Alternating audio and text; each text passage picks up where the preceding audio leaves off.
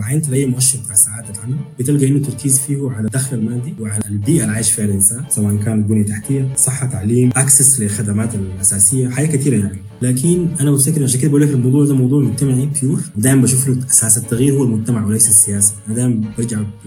بقول النقطه دي بصوره بكررها دايما لاهميتها اساس التغيير هو المجتمع وليس الاقتصاد وليس الثقافه وليس السياسه ولا اي جانب ثاني المجتمع هو اللي بيعمل هو اللي بيقدر ياسس في الحاجات دي عندك مجتمع معافى مجتمع سليم اي شيء ثاني بيجي الفرق اللي لاحظنا له انه مثلا بتلقي يعني مثلا الدول اللي فيها مؤشر السعاده عالي او بتحرز اعلى مستوى من الثبات الاقتصادي او الرفاهيه الاقتصاديه هي مجتمعات فيها طبيعه بتاعت الانسان يعني فرديه ما طبيعه بتاعت مجموعه ترابطها مع المجموعه ارتباطها بالمجموعه ما قوي زي ارتباط السودانيين مثلا بالمجموعه